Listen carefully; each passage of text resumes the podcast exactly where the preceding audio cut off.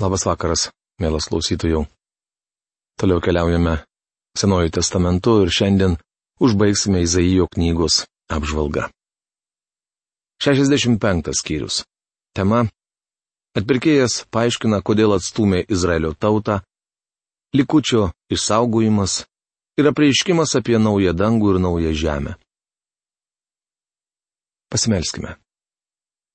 Tėve, dėkojame, kad galime būti tavo akivaizdoje, žinoti, kad tu viską matai ir žinai apie mus.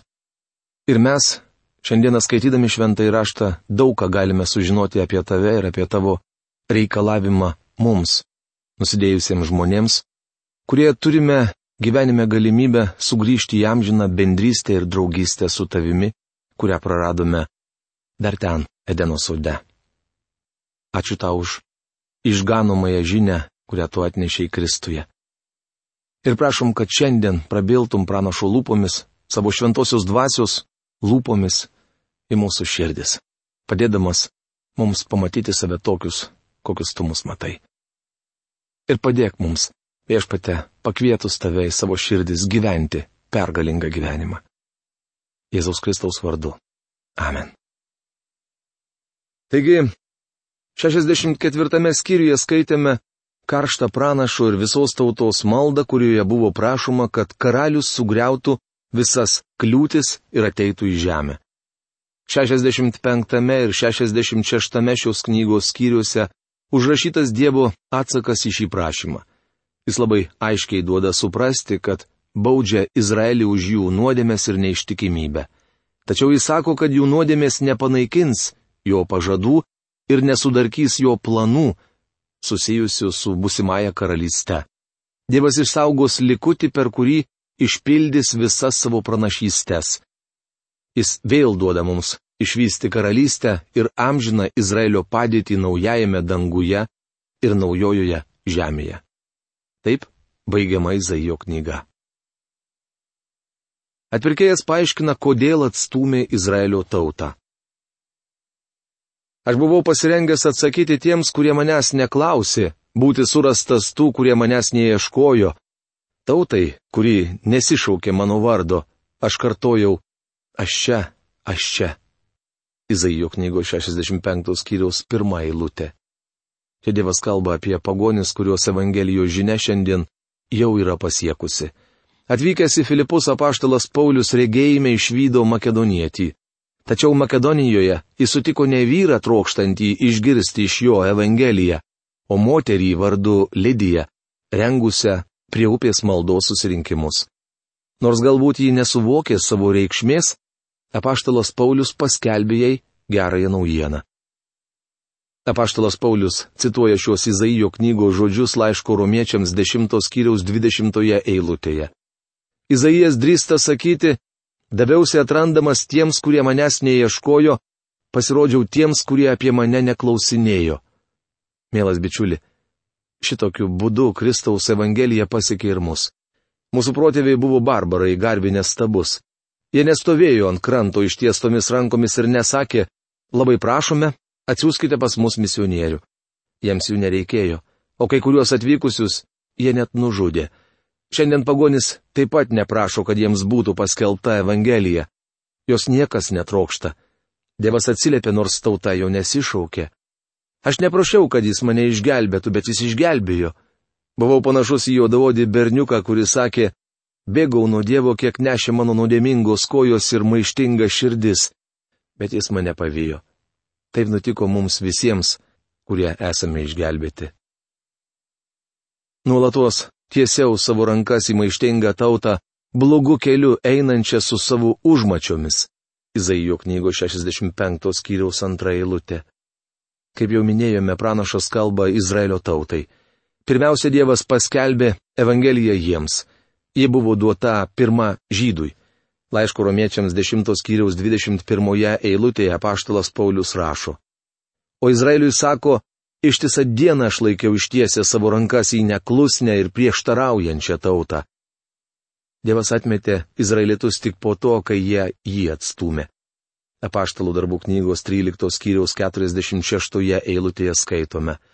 Tuomet Paulius ir Barnabas drąsiai pasakė, pirmiausia jums turėjo būti skelbiamas Dievo žodis, kadangi jūs jį atmetėte ir patys laikote save nevertais amžinojo gyvenimo, tai mes kreipiamės į pagonis. Štai kaip viskas vyko. Kitaip tariant, jei Jeruzalės gyventojai atmes Evangeliją, ją priims Efeziečiai. Jei Evangelija bus atmesta Los Andželė, tuomet galbūt ją priims Bombėjaus gyventojai. Dievo malonė užtvindys tą žemės vietovę, kur ją priims. Galime dėkoti už tai Dievui. Tauta, kurie akiplėšiškai be perstojo pykdo mane, jie aukoja krūvinas atnašas alkuose ir degina smilkalus ant plytų. Izaijo knygos 65 skyriaus 3 eilutė. Kadangi izraelitai nuolat pasinerdavo į stabmeldystę ir maištaudavo prieš Dievą, jis liovėsi juos laiminės. Jie sėdi kapų nišuose, naktis praleidžia olose, valgo keulieną su dvėsienos viralu savo induose. Stovė kur stovi, šaukia jie, nedrįsk manęs paliesti, tau esu per šventas. Šitokie dalykai aitrina mano pykti, kai be perstojo degančią ugnį. Izaijo knygos 65 skyriaus 4-5 eilutės. Tai tik viena priežastis, kodėl Dievas atmetė Izraelį jie laužė Dievo duotus įsakymus. Štai visa tai priešais mane užrašyta. Nebetylėsiu, kol neatsiskaitysiu. Atmokėsiu jiems, kaip jie nusipelnė, drauge už jų kaltes ir jų tėvų kaltes, sako viešpats. Kadangi jie degino smilkalus kalnuose ir žaidinėjo mane ant kalvų, aš jiems to jau atseikėsiu atlygį, kokiu jie nusipelnė. Izaijo knygos 65 skyriaus 6-7 eilutės. Izraelitai vaikščiojo užrietę nosis. Jie vykdė Dievo duotos religijos reikalavimus, tačiau jų širdys buvo toli nuo Dievo. Izraelitai lengva ranka darė nedorus darbus, atmestinai atlikinėjo religinius ritualus. Tokiu būdu jie pikžodžiavo Dievui. Likučių išsaugojimas. Dievas išsaugos likutį, per kurį išpildys visus savo pažadus. Visais laikais egzistavo tikintis likutis. Taip kalba viešpats. Kol kekėje dar yra sulčių, žmonės sako, neišmeskite jos, nes joje dar yra šis tas gero, taip ir aš pasielgsiu su savo tarnais. Net mesiu jų visų. Izaijo knygo 65 skyrius 8 eilutė. Dėl tikinčio likučio Dievas neišnaikins nuodėmingos tautos. Šis likutis prilyginamas gražiai vynogių kekiai, kuri paliekama vynogynė. Iš Jokūbo pagimdysiu palikonių, iš Judo mano kalnų paveldėtojų, mano išrinktieji paveldės kraštą, mano tarnai ten gyvens. Izaijo knygos 65 skyriaus 9 eilutė. Iš Jokūbo pagimdysiu palikonių, tai gali būti užuominai viešpati Jėzų Kristų. Tam tikrą prasme, manau, taip ir yra, tačiau Labiau tikėtina, jog čia turimas omenyje Izraelio likutis, kuris bus išgelbėtas. Dėl likučių Dievas išpildė savo pažadus. Mano tautai, ieškančiai mane Šarono lyguma bus ganykla kaiminėms, Achoros lynys žardiena galvijams. Izaijo knygos 65 skyriaus 10 eilutė. Matote, mažojai kaiminiai arba kitaip tariant likučiai buvo reikalinga saugiai vieta.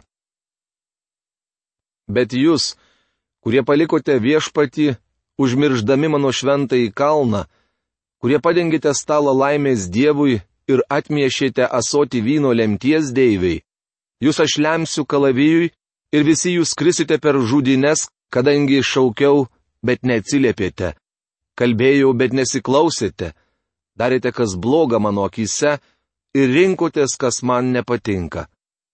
Izaijo knygos 65 skyrius 11-12 eilutės. Likusios tautos dalies, kuri nepaisydama Dievo žodžio stačia galva nėrė į pražūtį, laukia tik bausmė. Nesuprantu, kaip protingi, mąstantys žmonės, tikintys Dievo buvimu nesuvokia, jog vieną dieną bus teismas ir neteisybė ateis galas. Jei jie ir toliau gyvens nuodėmėje, Dievas nubaus juos, kaip baudė didžiąją Izraelio tautos dalį. Mano tarnai dainuos iš širdies džiaugsmo, o jūs verksite iš širdgėlos, aimanuosite iš sielvarto. Izaijo knygos 65 skyriaus 14 eilutė. Kaip Dievas atskiria visą tautą nuo likučio, tai padalina ir šio laikinę bažnyčią. Bažnyčia yra didelė organizacija, kuriai priklauso gausybė narių. Dažnai svarstoma, ar bažnyčiai reikės kesti didžiojo suspaudimo laikotarpį. Manau, tam tikra jos dalis tikrai išvys šio baisaus laikotarpio negandas. Apreiškimo knygos 17 skyriuje ji vadinama didžiaja ištvirkelė. Tai tik organizacija nepriklausanti Kristui. Šie bažnyčios nariai visai nėra jo nuotaka. Tikri tikintieji priklausantys Kristaus kūnui bus paimti iš šios žemės prieš didįjį suspaudimą. Turime aiškiai išskirti tai, kas tikra nuo to, kas netikra. Apreiškimas apie naują dangų ir naują žemę. Štai jau kuriu naują dangų ir naują žemę, o to, kas buvo, niekas neatmins. Tai nei į galvą niekam nebeteis. Izaijo knygos 65 skyriaus 17 eilutė. Perskaičius šią šventojo rašto eilutę gali susidaryti įspūdis, kad naujas dangus ir nauja žemė bus sukurti prieš įsteigiant Kristaus karalystę žemėje. Tačiau, įsiskaitę atidžiau pastebėtume, jog likutis jau nuteisė karalystę. Visi nuteistieji į karalystę nepatenka. Viešpats Jėzus aiškiai tai davė suprasti Evangelijos pagal Mata 25 skyriaus 34 eilutėje. Joje užrašyti Kristaus žodžiai Ateikite mano tėvo palaimintieji, paveldėkite nuo pasaulio sukūrimo jums paruoštą karalystę. Likusieji bus nusviesti į tamsybės ir į karalystę nepateks. Pasibaigus tūkstantmetiai karalystiai, tūkstančių Kristaus karaliavimo metų. Po paskutinio maišto Dievas sukurs naują dangų ir naują žemę. Matote, po bažnyčios paėmimo tūkstantmetės karalystės metu žemėje vyks dideli pasikeitimai. Dikuma pražys kaip rožė. Tačiau naujajame danguje ir naujojoje žemėje nebus nei jūros, nei dykumos. Tai bus nauja žemė. Mes iškeisime savo senąją žemę į naują. Plačiau šią temą esu išnagrinėjęs savo knygelėje Trys pasauliai viename. Antro Petro laiško trečiame skyriuje minimi trys pasauliai. Senąjį pasaulį nojaus laikai sunaikino tvanas. Kai dabartinis pasaulis bus sunaikintas ugnimi, atsiras naujas dangus ir nauja žemė. Džiaukitės ir linksminkitės amžinai tuo, ką aš kuriu. Štai aš kuriu Jeruzalę kaip džiaugsmą, o jo žmonės kaip linksmybė. Izaijo knygos 65 skyrius 18 eilutė. Akivaizdu, kad čia Izaijas kalba apie tūkstantmetės karalystės ir amžinuosius palaiminimus. Tūkstantmetė karalystė yra amžinosios karalystės fazė, bet kartu ir teismo metas. Nemanau, kad Dievas sukurs naują dangų ir naują žemę neužbaigę savo teismo programos. Pasibaigus teismui mes būsime pasirengę naujai kūrinyjei. Manau, kad po tūkstantmetės karalystės Dievo vaikų laukia kažkas dar nuostabesnio. Žmogaus potencialas žymiai sustiprės. Jeruzalė taps džiaugsmo miestu. Šiandien ją galima pavadinti gedulo miestu. Žydai renkasi prie raudų sienos, jų veidai retai spindi šypsena. Tačiau vieną dieną Dievas pavers Jeruzalę džiaugsmo miestu.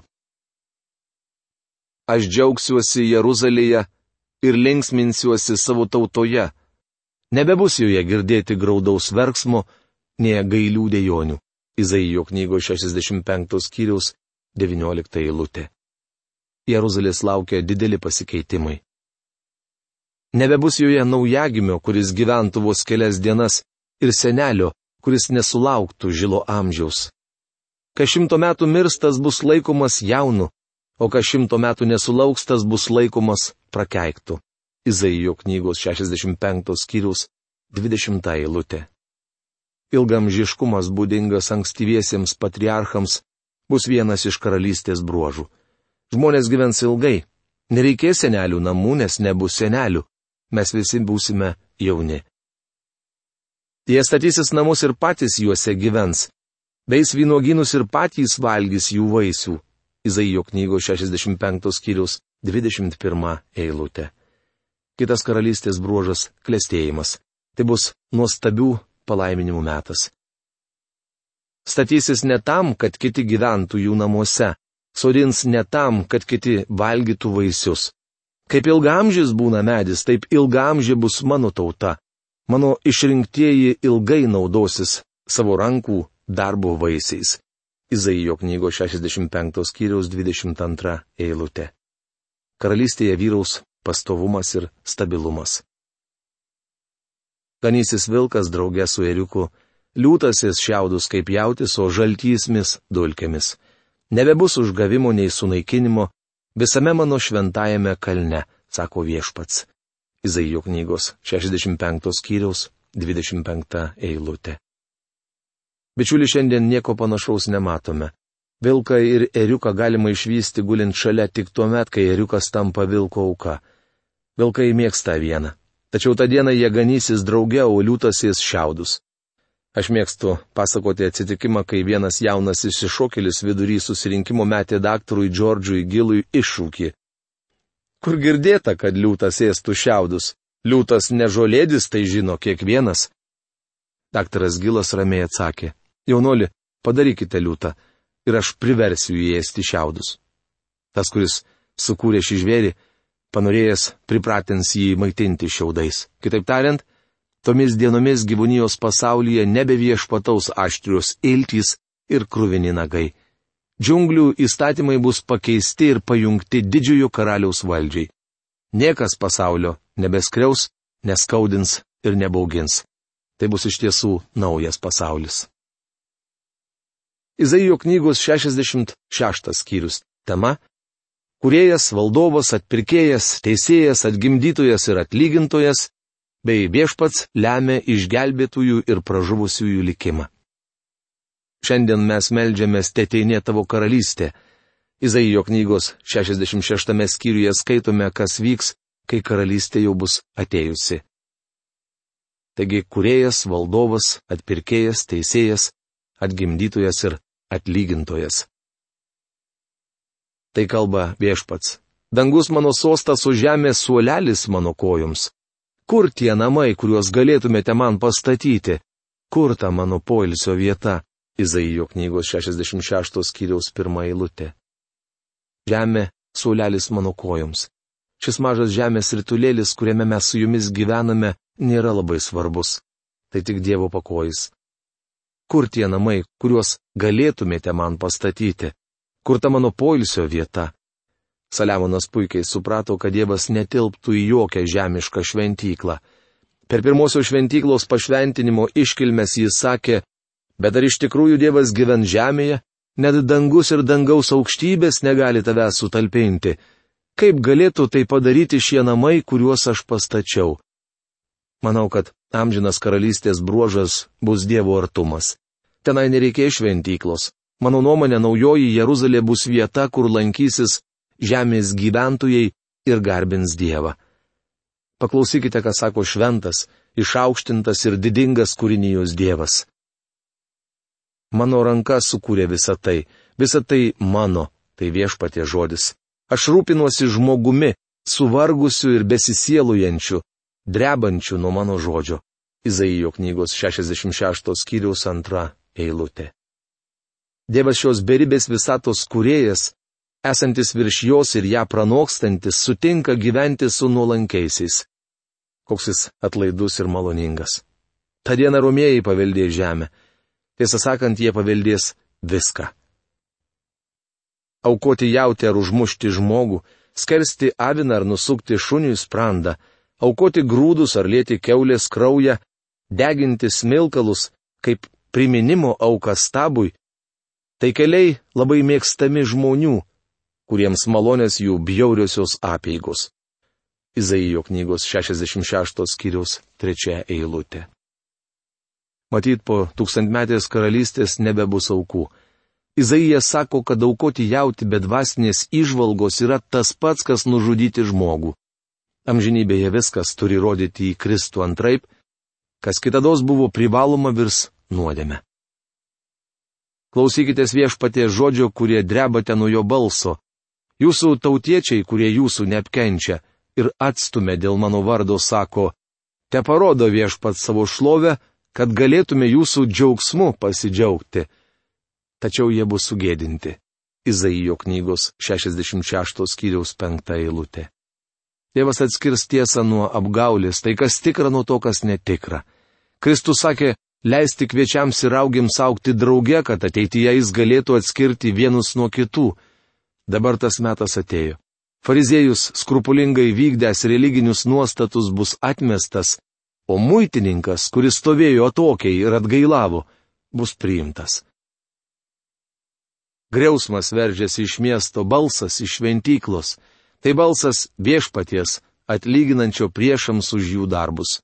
Izaijo knygos 66 skyriaus 6 eilutė.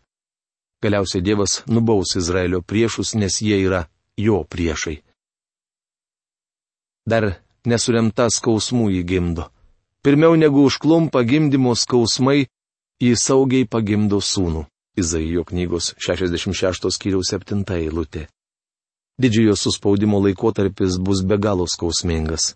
Jis užklups Izraelį po Kristaus gimimo Betlėjuje, pirmiau negu užklumpa gimdymo skausmai, ji saugiai pagimdo sūnų.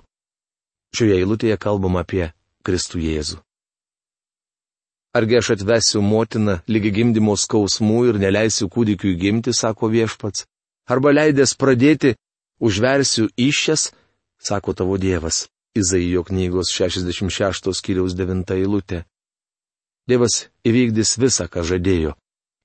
Visi 144 tūkstančiai žydų, paženklintų didžiojo suspaudimo pradžioje, iškes šį baisų negandų laikotarpį.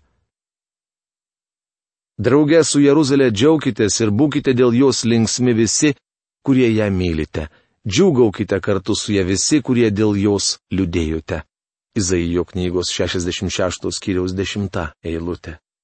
Tai bus didžių palaiminimų metas. Viešpats nulėmė išgelbėtųjų ir pražuvusiųjų likimą. Ateinu surinkti visų tautų ir giminių, jos ateis ir išvys mano šlovę. Izaijo knygos 66 skyriaus 18 eilutė. Visos tautos turės stoti prieš jį. Apie tai viešpats Jėzus kalbėjo Evangelijos pagal Mato 25 skyriaus 31-32 eilutėse. Kai atei žmogaus sunus savo šlovėje ir kartu su juo visi angelai, tada jis atsisės savo garbės sostę. Jo akivaizdoje bus surinkti visų tautų žmonės ir jis perskirs juos kaip piemuo atskiria avis nuo ožių. Tuo metu bus išgelbėtas didelis būrys pagonių ir izraelitų. Tautos rinksis į Jeruzalę garbinti Dievo. Kaip naujieji dangus ir naujoji žemė, kuriuos aš kuriu, gyvos mano akivaizdoje, tai viešpatė žodis. Taip gyvos tavo giminė ir tavo vardas. Izaijo knygos 66 skyriaus 22 eilutė. Dievo tikslai ir pažadai Izraeliui tokie pat amžini kaip naujas dangus ir nauja žemė. Kiekvieną jaunatį ir kiekvieną šabą visa žmonija ateis manęs pagarbinti, sako viešpats. Izaijo knygos 66 skyriaus 23 eilutė. Amžinybėje visų laikų atpirktieji garbins Dievą. Tai bus svarbiausias ir maloniausias užsiemimas. Jie išeis pasižiūrėti lavonų tų, kurie maištavo prieš mane. Kirminas juose nemirs, jų ugnis niekada nebus užgesinta, jie bus bjaurastis visai žmonijai. Izaijo knygos 66 skyrius 24 eilutė.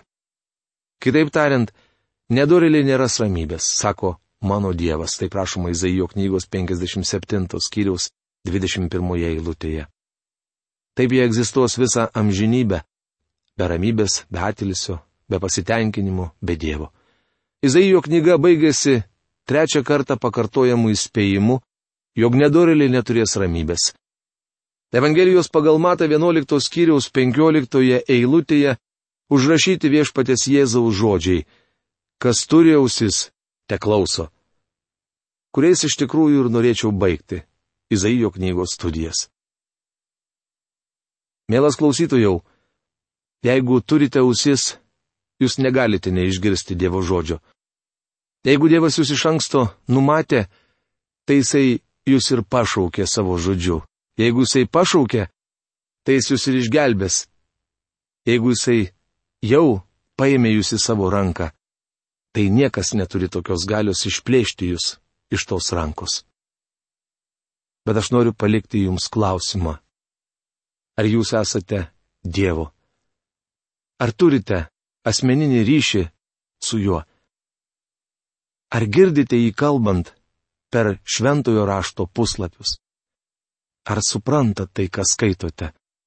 Ir ar vykdote tuos įsakymus, kuriuos mes su jumis jau treji metai nagrinėjame? Jeigu turite kokiu nors klausimu ir jums kas nors neaišku, galbūt jums baugu dėl savo amžinybės, mes laukiame jūsų laiškų ir su malonumu pasidalinsime tuo, ką žinome ir tuo, kuo gyvename. Iki greito sustikimo. Sudė.